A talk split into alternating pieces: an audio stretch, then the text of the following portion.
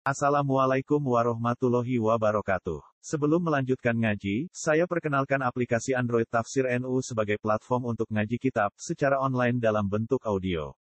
Tafsir NU berisi berbagai kajian kitab kuning dari berbagai ulama NU. Silahkan download aplikasi Tafsir NU di Google Play Store. Link download ada di deskripsi. Wassalamualaikum warahmatullahi wabarakatuh. Bismillahirrahmanirrahim. Benih. Al-afatu saniyah nih. Al-afatu tay afat ya. Bahaya As-saniyatu As-saniyatu kang nomor luru Di antara efek negatif dari pernikahannya Al-afatu saniyah Iku al-kusuru papeko Atau sembrono. Anil qiyami Sangking jumenengi. Bihakihina kelawan hake nisa. Wasobri lan sabar. Ala ahlaqihinna Ala ahlaqihinna ingatasi ahlaki nisa. Wahtimalil adha Lan nanggung piloro minhunna saking nisa. Wa hadhihi udai ikila afatu thaniyah Ikudunal ula saandape afat kang kawitan. Fil umumi ing dalam umumi Artinya di antara efek negatif dari pernikahan. Kemarin kan ada efek positif. Efek negatifnya yang pertama apa? Sulit mencari harta yang halal. Banyak orang karena menikah menjadi ngawur. Nyambut kayak ini tidak tertib ya Atau dia sembrono cari nafkah dengan cara yang tidak halal. Itu afat yang pertama Negatif dari pernikahan yang pertama. Yang kedua Tidak mampu memenuhi kewajiban. Ya, Tanggung jawab Sebagai kepala rumah tangga Artinya orang kalau menikah Tapi dia tidak tanggung jawab ya Tidak beri nafkah Tidak ngurus maka dia ini juga berdosa ya. Makanya ini efek yang buruk dari nikah yang kedua. Walaupun yang kedua ini masih di bawah yang afat yang pertama tadi. Fa innal qudrata sudhi kuwasa ala hadza ingati ikilah. Al kusur anil qiyam niku. Iku aisaru luwih gampang minal kudrati saking kuwasa alal ula. Ing atase afat kang kawitan. Afat yang ula maksudnya yang menjauhi harta yang tidak halal. Wa tahsinul khuluq utawi bagusi akhlak. Ma'an nisa'i serta pira-pira wong wadon. Wal qiyami jumenengi wal qiyamu lan jumenengi bi khududi kalawan pira-pira bagiane tum-tuman nisa iku min talabil halali sange nyupri dunya halal wa fi hadza lan ing dalam ikilah mengkuno mengkuno al kusur niku aidan halimane khotorun utai bahaya. Li annau kena wong iku ra'in tanggung jawab. Ra'in niku pemimpin penanggung jawab. Wa mas'ulun nan bakal den takoni an ra'iyatihi saking wong kang den pimpin ra'in kepala rumah tangga ya Kata Rasulullah Sallallahu Alaihi Wasallam, "Kullukum ra'in." Kamu ini pemimpin, penggembala. Artinya kamu harus tanggung jawab terhadap keselamatan keluargamu. Makanya Allah mengatakan Ku anfusakum wa ahlikum nara Jaga dirimu jaga keluargamu dari api neraka. Kalau seorang suami tidak tanggung jawab, ya, seandainya ada suami tidak memenuhi kewajiban istrinya, maka dia termasuk orang yang me, apa, kewajiban. Sallallahu alaihi wasallam Kafa nyukup bil mar iklan wong suci apa ithman tusone Apa yudhayi ayan dan niya niyakan sopa al mar'u? Man ing wong ya'ulu kang dadi batih Maksudnya kang nanggung sopa man ing iyal Tidak memperhatikan keluarga itu dosa. ya. Jadi tidak ada bekas anak, tidak ada. Orang kalau punya anak ya harus walaupun mungkin sudah cerai, itu tetap kewajiban menafkahi, mendidik. Maka apabila ada orang tidak ngurus rumah tangga, ada orang tidak memperhatikan kewajibannya kepada keluarga, itu dia berdosa. Kafa bil mar'i ithman. Itu sudah cukup dosanya. Artinya besar. Itu berdosa besar apabila suami tidak tanggung jawab pada keluarga. Nah, ini menjadi tantangan orang yang menikah ya. Orang yang punya istri tantangannya satu soal kerjaan yang tidak halal. Yang kedua tantangan untuk tidak apa kalau dia tidak bertanggung jawab memenuhi kewajiban sebagai suami. Warwiyana dan riwayatakan opo andal hariba setuhuni wong kang lumah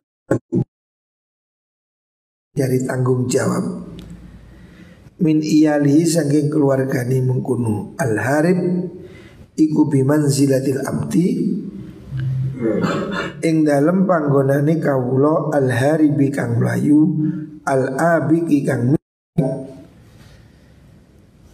La balu ora den trimo andu saking abad opo salatun salat wala den trimo poso.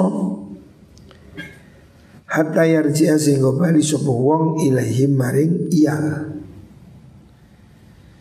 Orang yang lari dari tanggung jawab kepada rumah tangga ya Orang yang tidak ngurus anak istri.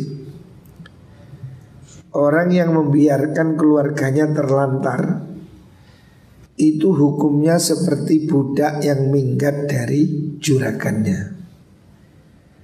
Sholatnya, puasanya tidak diterima. Oh, Berat lagi ya. Jadi jangan mikir enak itu ya. Jangan mikir hanya enaknya menikah ya Resikonya ini Kalau kamu menikah Kamu tidak ngurus istrimu Kamu tidak ngurus anakmu Kok jarnoi Kok tinggal dak Kamu hukumnya sama dengan melarikan diri dari juragan Atau seperti budak lari dari majikan. Sholatnya tidak diterima Puasanya tidak diterima. Oh gak main-main nih berat ya Dosa besar ya. Warwiyalan amri Waman tesapani wong iku yak suru Pepeko sepo wong Anil kiyami Saking jumenengi hina kelawan haki nisa. Wa ingkana senajan ono sopaman iku hadirun Wong kang hadir Ataupun kalau itu tidak lari Dia ada di situ tapi gak ngurus ya.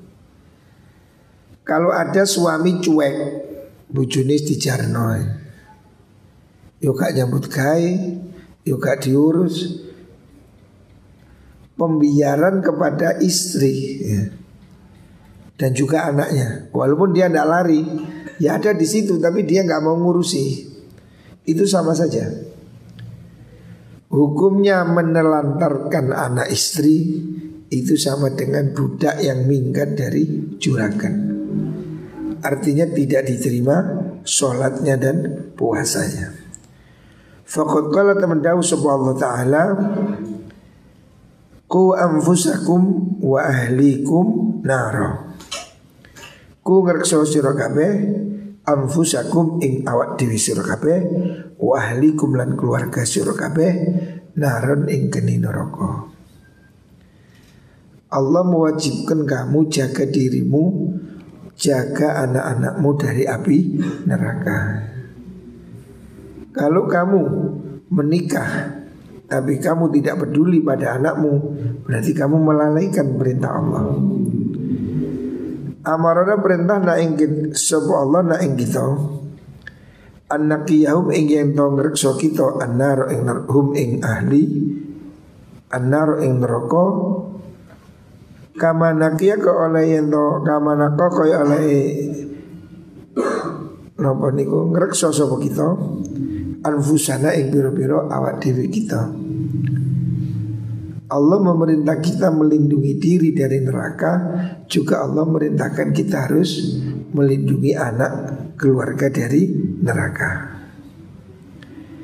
Wal insanu utai menungso Iku kot juzu terkadang apa sopo insan Anil kiami sanging jumenengi Bihaki nafsihi kawan haki awak diwini insan Kadang diri Sebagian orang menyelamatkan dirinya, ngatur dirinya nggak bisa, apalagi ngatur orang lain. Wa idza nalikane rabi sopaman Allah afa mongko dadi tikel-tikel. Akan bertikel berlipat. Alaihi ing man opal hakku hak wajiban. Wa lan nyendarakan menambahkan ila nafsi maring awak dhewe man nafsa ukhra ing awak dhewe wong liya. Wa nafsu tawi nafsu iku ammaratun kang akeh perintah bisui kalawan Allah In surat lamun akeh alaiha ingat si nafsu opo al hukuku Kasura mongko dadi akeh opo al amru perintah bisui kalawan Allah ghaliban ing dalam kaprai. Umumnya ya orang ini kalau banyak tanggungan ini nafsunya semakin jahat. Dan nafsu ini pada prinsipnya ammaratun bisu. Nafsu seseorang itu bisa mendorong dia berbuat jelek. Kalau dia ditekan ekonomi rumah tangga, apa mana bojone telu. Ya Bucu siji wis angel. Bucu papat anak molas. Waduh. Ini akan membuat dia semakin hidupnya nekat ya. Ngawur gitu. Makanya ada ucapan apa? Ini salah satu penyebab korupsi itu ya poligami itu. Lah bojone akeh biaya hidupnya tambah mahal. Akhirnya korupsi ya. Atau korupsi terus dibuat poligami podoai intinya orang itu kalau banyak beban itu akan mendorong dia menjadi tidak tertib ya nafsu ya manusia ini pada prinsipnya punya nafsu nafsu ini cenderungnya ya nakal apalagi kalau ditambah beban berat ya istrinya rewel anaknya nakal, pasti tekanan hidup semakin berat. Nah ini efek dari pernikahan yang buruk di situ. Walidhalika krono mengkono mengkono tado afat niku Iktadara kawi alasan Sopo ba'luhum sebagian ulama Minat taswiji saking rabi Karena alasan seperti itu banyak ya sebagian ulama itu tidak menikah. Ada ulama yang menjumblu seumur hidup ya. Sampai ada satu buku khusus daftar ulama jumluh. Dia ini sampai mati jumluh. Karena apa? Salah satunya dia merasa tidak sanggup menafkahi istri atau tidak sanggup memenuhi kewajiban sebagai suami. Wa qala dawu ba'dhum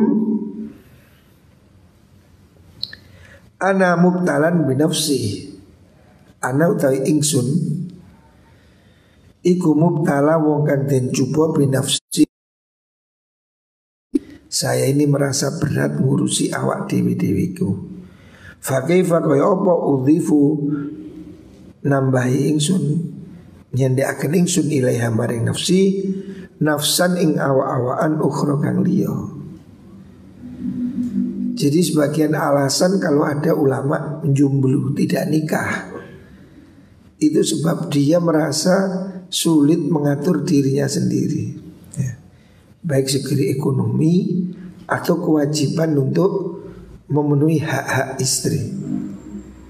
Suami istri kan ada hak dan kewajibannya. Walahunna mithlul ladzi alaihinna bil ma'ruf.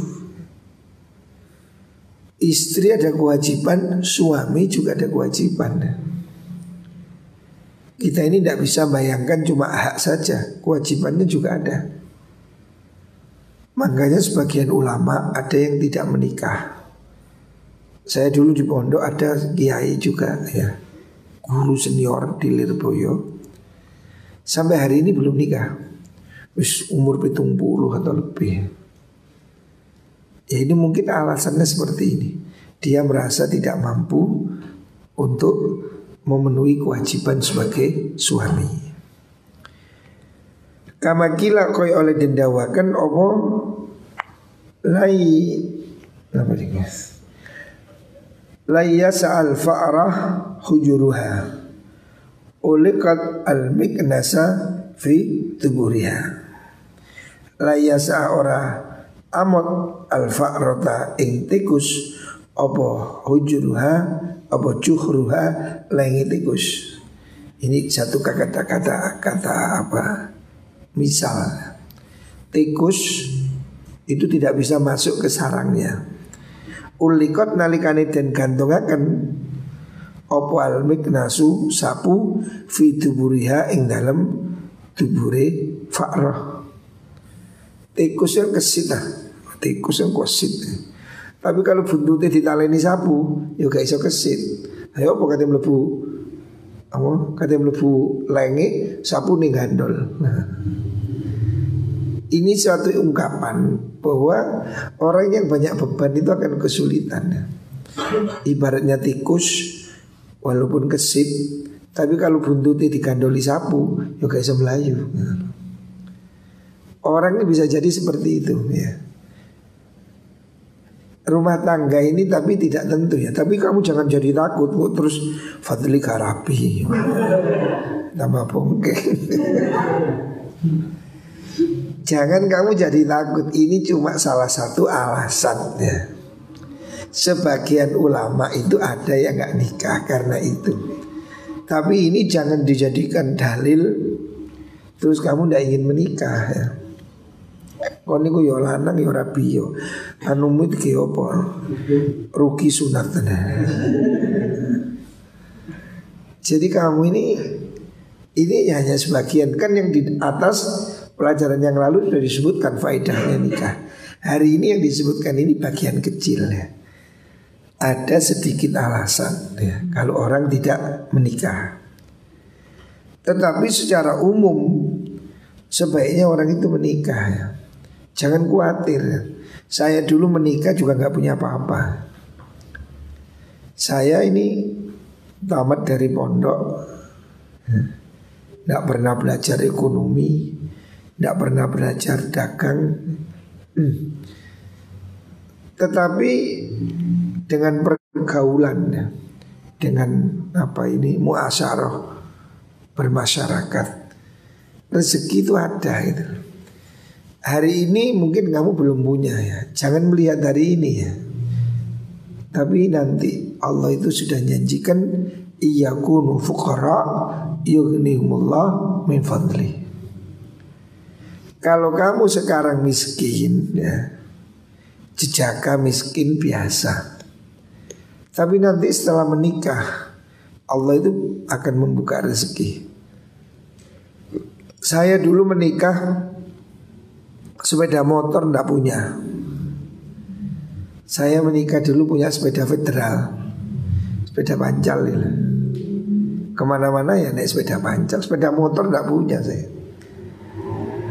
Waktu menikah saya sepeda motor tidak punya. Ibu saya punya mobil Tapi cuma satu-satunya. Gantian. Sehingga saya dulu pergi Kalau mudik ke Kediri ke mana itu ya Naik kereta api Naik travel ya Semua orang mesti begitu ya. Ya ada yang orang warisannya kaya juga ada. Tapi umumnya ya rumah tangga baru ini ya seperti itu mulai dari sedikit jangan kamu jadi takut ya. saya dulu mondok ya nggak punya apa-apa. Saya nyelengi sedikit-sedikit mulai di pondok ya nabung. Makanya saya bilang kamu jangan merokok daripada merokok lebih baik ditabung ya. kamu sehari rokok sepuluh ribu dua puluh ribu kalau dikumpulkan satu bulan kan 300 ribu atau 600 ribu. Ini kalau satu tahun berarti 3 juta atau 6 juta. Lu ini kan bisa dibuat beli sapi, beli kambing, beli mendok. Kamu ini harus mau apa? Nelateni ya. Orang dulu ini begini. Saya dulu istri saya ini ya bikin weji habis subuh ya. Dulu saya walaupun sudah di sini rumah sini kalau subuh jam 3 pagi istri saya sudah nyabrang ke pondok. Terus setelah itu ngimami jamaah subuh ngajar ngaji turun dari pondok istri saya itu naik mikrolet ke pasar kerebet beli pindang, beli tempe, beli sayur, pulang dimasak. Sebagian dijual. Ya mulai dari sedikit ya. Jadi kamu jangan takut memulai dari nol. Saya dulu ini mulai dari sedikit sekali ya. Istri saya ini jualan nasi, jualan weci, jualan tempe, jualan datar, jualan lauk di pondok. Makanya saya ini sangat menghargai apa ekonomi. Maka saya kan kalau lihat dapur barang dibuat-buat itu saya marah. Karena saya ini sudah merasakan bagaimana orang memulai hidup dari nol, tidak punya ya. Sekarang ini kan saya lihat kamu cenderung boros. Nasi sisa dibuang. Mestinya kan dipikir, oh digoreng. Dulu saya selalu begitu. Nasi sisa kemarin besok pagi digoreng. Hampir setiap pagi makan nasi goreng. Karena nasi kemarin besoknya digoreng. Duh, Kebiasaan seperti itu yang akan menolong kamu. Kalau kamu biasa makan enak, ngopi, merokok, terus apa yang terjadi kalau kamu kerjanya tidak mapan? Kamu harus menyadari mulai sekarang ya. Jangan biasa hidup mewah. Ini yang akan membuat kamu menderita. Kamu harus siap miskin. Kalau kaya alhamdulillah. Jangan siap kaya. Siap kaya, melarat, stres kan. Makanya santri diajari tidur di ya karpet. Tidur kasur nyenyak. Nah, biasa turu kasur, turu ke karpet, masuk angin, linu, encok. Masuk ya ini biasa manja. Kamu jangan memanja hidupmu. Ya. Anak-anakmu juga begitu. Saya ini tidak mau ngajari anak saya mewah. Anak saya laki-laki semua nggak bisa nyupir. Padahal sejak kecil mereka saya sudah punya mobil. Alhamdulillah saya ini mulai tahun 99 sudah beli mobil baru. Saya menikah tahun 95. Tahun 99 saya sudah beli mobil baru. Sampai hari ini. Tapi anak saya tidak ada yang bisa nyupir Tidak ada Memang saya tidak mau ngajari mereka nyupir Karena saya tidak mau mereka jadi mewah. Mana lihat kamu anak saya ngerokok enggak? Coba Yono irungi kayak tumang. Nora ini kalau ngocok ya. Lihat anak saya laki-laki semua itu mulai yang barat nomor satu, nomor dua, nomor tiga, tidak ada yang ngerokok. Dan saya tidak mau ngasih uang rokok. Jadi kalau saya ngirim saya bilang uang ini tidak boleh buat beli rokok, boleh buat makan. Anak saya mana ada yang ngerokok? Tidak ada. Tidak ada yang bisa nyupir. Padahal mereka sejak kecil saya sudah punya mobil. Mulai tahun 99 saya sudah punya mobil baru. Sampai hari ini saya selalu ganti mobil baru. Anak saya nggak ada yang bisa nyupir. Karena saya tidak mau ngajari mereka hidup mewah ya. Anak-anak kita harus diajari hidup prihatin. Anak saya di pondok juga sama tidur di karpet seperti itu. Ini harus diajarkan ya, kemandirian ini harus diajarkan. Supaya nanti kamu siap rumah tangga ya. Kamu harus sudah menghitung masa depanmu mulai hari ini. Salah satunya itu jong rokok. Nip, ya, rumah nopo kupingmu. Siapa sih ngerokok ya? Jangan merokok kamu itu. Tiru anak saya itu. Anak saya tidak ada yang merokok. Eh, bapakmu lusukin di timbang aku. Ayo. Ayo banding lah. Anakku lu ndak ngerokok. Kau niku tak delok. Bapakmu macul anak yang ngerokok. Itu kamu itu menghisap keringatnya bapakmu. Ya. Dosa itu. Tidak boleh. Nanti kalau kamu kaya raya, rokok setino 10 pak. Orang bulu pak ya gak apa-apa. Tapi kamu harus bisa menghidupi dirimu sendiri. Wa kadzalika kaya mengkono-mengkono ba'dul ulama iktadzara gawe alasan maksudnya membuat satu alasan untuk tidak menikah.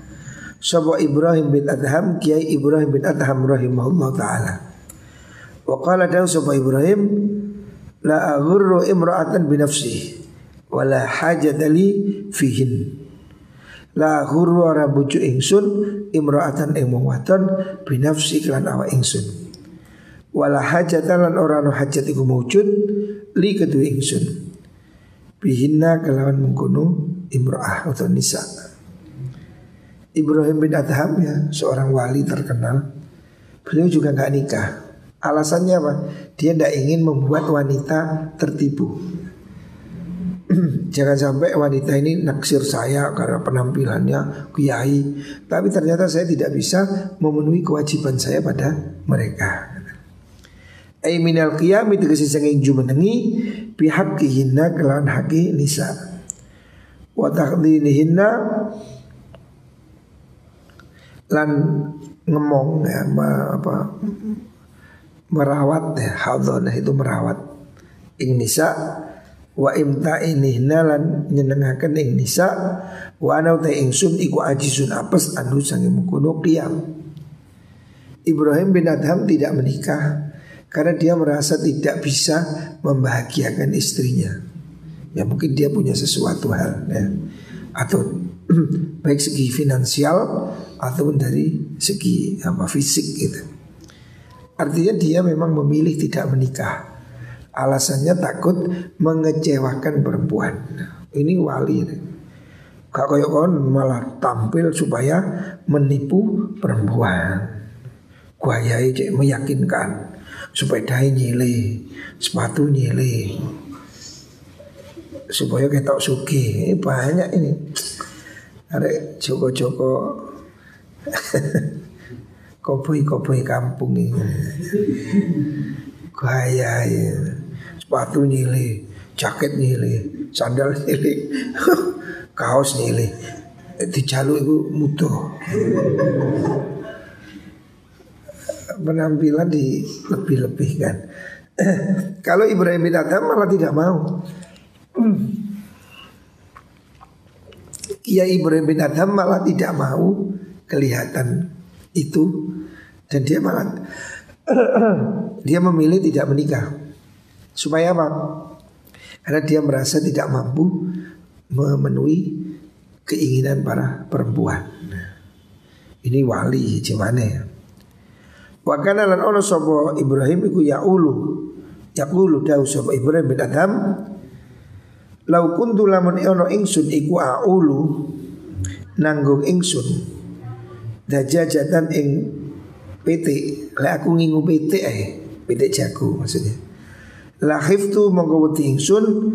An asira ing yen dadi ingsun iku jaladan apa maknanya jaladan? An as an asbira ini alal jasri ing atase wat wa uriyalan den den ngimpeni sapa Sufyanu ki Sufyan Ibnu Uyainah rahimahullah. Dan impeni ala babi sultan. Nah, si waru iyalan niku. Dan impen ini lan den tingali sapa Sufyan bin Uyainah Kiai Sufyan bin Uyainah dan tingali ala babi sultani ing atase lawangi sultan ya Sufyan bin Uyainah pernah terlihat antri di depan kantor bupati atau pemerintah. Ya. Fakila dan dawakan lahu maring Napa niku wau Sufyan bin Uyainah Mahada mauqifuka Ma iku apa Hada uta ikila mauqif ya. Mauqifuka tegesi nggon ngadek sira Kiai Sufyan bin Uyainah suatu saat kepergok berada di depan istana. Pada zaman dahulu, kiai-kiai zaman dahulu itu malu mendekat pada pemerintah itu malu. Ya. Orang dahulu itu begitu. Makanya sampai ada yang nggak mau jadi pegawai negeri. Kayak ayah saya nggak mau jadi pegawai negeri. Ulama dahulu itu malu dekat pemerintah itu malu pada zaman itu ya. Karena apa? Pemerintah itu kan banyak yang zalim ya pada zaman dulu. Kalau hari ini mungkin sudah berubah ya. Hari ini kan bupati NU, gubernur NU. Zaman dulu kan yang banyak orang-orang zalim ya. Lah, Sufyan bin Uyainah pernah terpergok kelihatan seseorang dia sedang apa? Dia sedang antri di depan istana. Dia sedang terlihat ada di depan istana menghadap pemerintah. Ada orang heran tanya, kenapa sampean ini kiai kok antri di pintu pendopo? Kiai kok mau ke gubernuran? Zaman biyen itu ebre. Zaman dahulu dianggap cacat. Pem, pem, pekiai di depan penguasa itu dianggap ini, dianggap tidak bagus. Makanya ketika Imam Malik ya, Imam Malik, Imam dari Hijrah Imam Malik bin Anas diundang ngisi pengajian di rumahnya Khalifah Harun ar-Rasyid tidak mau. Diundang presiden suruh ngaji pengajian di istana tidak mau. Imam Malik. Dia mengatakan al ilmu yukta walayati. Ilmu itu didatangi ya, bukan datang sendiri ya. Menurut Imam Malik begitu. Jadi Imam Malik ini gengsi tidak mau diundang pemerintah datang ke istana. Dan ketika Harun ar-Rasyid datang ke Medina ziarah Nabi, sowan Imam Malik, Imam Malik tidak berdiri dari tempat duduknya. Jadi dia itu ulama yang luar biasa dan wibawa. Jadi Imam Malik duduk di kursi seperti raja, khalifah, presiden duduk di bawah seperti santri. Imam Malik tidak mau berdiri menghormat hebatnya Imam Malik ya. Jadi ulama zaman dahulu itu hebat ya, gak, gak kacangan, gak didik-didik proposal. Zaman biyen ini ngoten. Lah, ketika Sufyan bin Uyainah ditanyai, kenapa anda kok antri di depan pendopo gini. Faqala wahal ra'aita dha iyalin aflaha. Fahal ra'aita ono to ningali sira dha iyalin ing wong duweni keluarga aflaha kang bejo sapa dha iyal. Ya. Jadi Sufyan itu merasa malu. Ya orang kalau punya tanggungan mana bisa dia hidup bebas kira-kira begitu artinya dia ada butuh pada pemerintah ya butuh sesuatu padahal bagi sebagian ulama pada zaman dahulu itu dianggap ebre Imam Ghazali sendiri mengkritik keras ya kalau ada kiai kok sering ke pendopo itu dianggap celah ya. Karena apa? Dianggap bersekutu dengan kezaliman. Karena penguasa-penguasa ini ya zaman dulu Musaiki yang buat teman-teman bu ya apa? Zaman dulu itu penguasa itu dianggap simbol kezaliman. Makanya ulama-ulama dahulu itu tidak mau mendekat. Syekh Qadir Jailani dalam manakib disebutkan Syekh Qadir Jailani tidak mau dikasih harta oleh sultan Sampai ada raja datang pada Syekh Qadir maksoh ya. Minta supaya sedekahnya diterima ya. Supaya diterima ya. Dan Qadir Jailani ini didatangi raja, dibawakan emas berkarung-karung, disuruh pulang, tidak mau. Hingga rajanya ini nangis kemis malah Sabtul Qadir, saya mau apa niku jenengi sodakoh. Terimalah saya mau memberi sesuatu untuk Tuhan. Ya. Syabdul Qadir dipaksa disuruh nerima. Syabdul Qadir tidak mau. Tapi karena rajanya ini makso, presidennya ini maksa, Abdul Qadir disuruh ngambil karung yang paling besar. Mana emas satu karung yang paling gede pak sini. Ketika karungnya itu diambil, langsung sama si Abdul Qadir karung dipeluntir mengalir darah. Syabdul Qadir itu Jangan salahkan saya Kalau saya tidak mau hartamu. Ini duitmu kan hasil dari Nginjak rakyat Nyesep darahnya rakyat. Ya. Pajak-pajak yang mahal itu. Mas Syabdul Qadir tidak mau. Kiai Hamid juga begitu Hamid Pasuruan dulu diberi duit pemerintah tidak mau jadi orang dahulu itu hati-hati seperti itu. Lah, Sufyan bin Uyainah ya. Ketika suatu saat dia sedang ketemu kepergo antri di pintu pendopo pemerintah. Ditanya kenapa anda kok di sini? Dia bilang ya, kamu tahu orang punya keluarga nggak punya butuh gitu. Artinya dia juga mengakui dia ada perlu sama pemimpin. Ini sebagai ungkapan apa? Malu gitu loh. Kepepet gambar ini.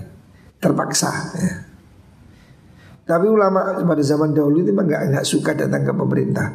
Tapi pemerintah pada zaman itu sangat menghormati ulama. Makanya raja-raja pada zaman dahulu itu memberi hadiah upeti apa biaya hidup seperti Damaskus pusat-pusat ilmu itu kan maju karena rajanya memang berinisiatif memberi insentif memberi uang agar para ahli ilmu itu konsentrasi cukup nggak sampai minta gitu loh. Lah saiki kok kiai nang pendopo ya mana kayak ngono gak ditekakno ya dicukup dhewe. Lah zaman biyen kan rojone sing ngirim. Zaman saiki rojone gak ngirim ya. Disengke nih. Maka saya kadang melihat isin. Saya itu diundang ke pendopo kabupaten itu jarang datang. Tidak hampir tidak pernah. Ya jarang datang. Malu saya itu. Saya lihat di pendopo kalau ada undangan wabe kiai teko kabeh. Mangan antri kalau aku isin. Kadang wae mangan tak tinggal ningkri. Tuku nang warung enak. Lah malu saya lihat orang suruh antri piring. Pokoknya arek panti asuhan. Gengsi. Saya itu udah berkali-kali diundang buka bersama di Saya hampir enggak Juara datang. Bertahun-tahun ini saya tidak pernah ikut. Bagi saya itu gengsi Tuku Dewi So Seandainya itu ya lebih baik gitu. Tapi bukan berarti tidak boleh dekat pemerintah ya. Kalau tujuannya untuk amar ma'ruf nahi mungkar ya boleh-boleh saja. Nah, kalau pemerintah nggak diingetin, siapa yang ingetin? Ya kita harus ada yang di situ ya. Pemerintah ini juga harus diisi orang-orang Islam ya. Tapi jangan semua di situ gitu loh. Ojo rebutan kabeh nang gunung harus ada lah yang menjaga, yang independen ya, yang menyuarakan kebenaran.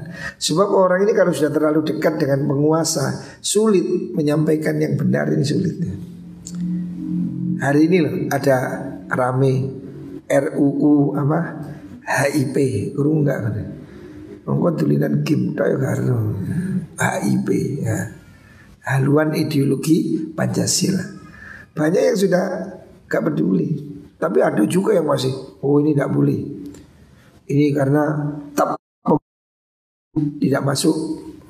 Oh karena ini ekasila itu begini ya. Masih ada yang independen. Tapi ada yang wis mau jaris, monggo, monggo, monggo. Yang penting ditum. Nah, itu. ini bahaya ini. Harus ada yang independen ya. Ulama ini bukan bebek ya. Harus ada yang menyuarakan kebenaran. Tentu dengan bahasa yang baik ya.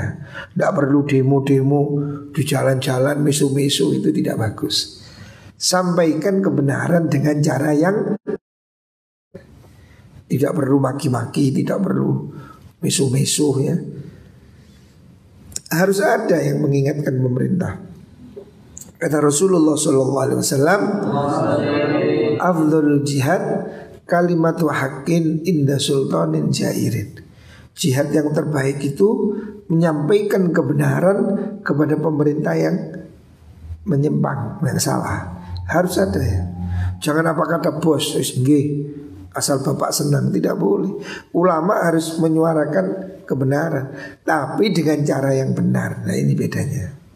Gak perlulah memurtad-murtadkan, tidak boleh mencaci maki ya. Sampaikan dengan baik ya. Kita punya DPR, kita punya sampaikan. Kemarin kita kiai-kiai kumpul di Madura, ketemu Pak Mahfud, oh, Pulukam, kita bicara baik-baik. Kita tidak setuju Pak, enak ini, ini. Itu kan bagus. Jadi boleh orang mengkritik pemerintah itu boleh, tapi dengan cara yang benar itu Tidak harus misu-misu di jalan, terus apa membuat huru hara ya kekacauan tidak bisa diselesaikan dengan kekacauan. Nah, makanya ini, nah ini perlulah ya kita ini amar ma'ruf nahi mungkar ya. Oh tadi ada mana yang kurang? Anasiro jaladan ya. Jaladan artinya anu orang yang terkena pukulan gitu lah jaladan. Jadi orang yang dipukul ala jisri ing atas siwot. Maksudnya tadi Ibrahim bin Adham mengatakan saya ini ngingu PT eh gak wani gitu. Pemane ngingu bojo. Ngingu PT loh aku wedi bui malaikat gitu lah. Artinya saya khawatir ngingu ayam aja nggak tak kasih makan, nggak tak kasih minum sampai mati, saya besok akan dipukuli oleh malaikat. Saking hati-hati ini maksudnya. Jadi Ibrahim bin Adham mengatakan saya tidak menikah karena saya tidak mampu memenuhi hak istri. Jangankan melihara istri, melihara ayam saja ya. Saya takut dipukuli malaikat. Jadi ngingu PT bareng tanggung jawab. Sul nanti Samsul. PT ku juga dipakani kon dosa. Ingon-ingon kudu kau sul. Dosa. Kata Rasulullah sallallahu alaihi wasallam, "Dakhalatil mar'atu an-nar fi hiratin." Ada orang perempuan masuk neraka gara-gara kucing. Loh, kucing sing mlebokno nang neraka loh, hati-hati. Pitik termasuk. Artinya siapa pun yang punya kewajiban harus memenuhi hak ya. Kalau kamu ngingu kucing, ya kudu dipakani. Kalau tidak, lepaskan. Ya. Wanita itu masuk neraka gara-gara dia melihara kucing, dikurung, tidak dikasih makan dan tidak dilepas. Kucing mati kelaparan. Itu menyebabkan pemiliknya masuk neraka. Makanya Ibrahim bin Adam di sini mengatakan saya aja nggak berani ngingu ayam, takut saya dipukuli malaikat gara-gara ayam. Ya. Makanya kita ini jangan sepilikan ya hak orang lain ya. Nggak beri makan kucing aja bisa masuk neraka. Apalagi kita mencegah hak orang lain ya. Muka-muka semua diselamatkan oleh Allah Subhanahu wa taala.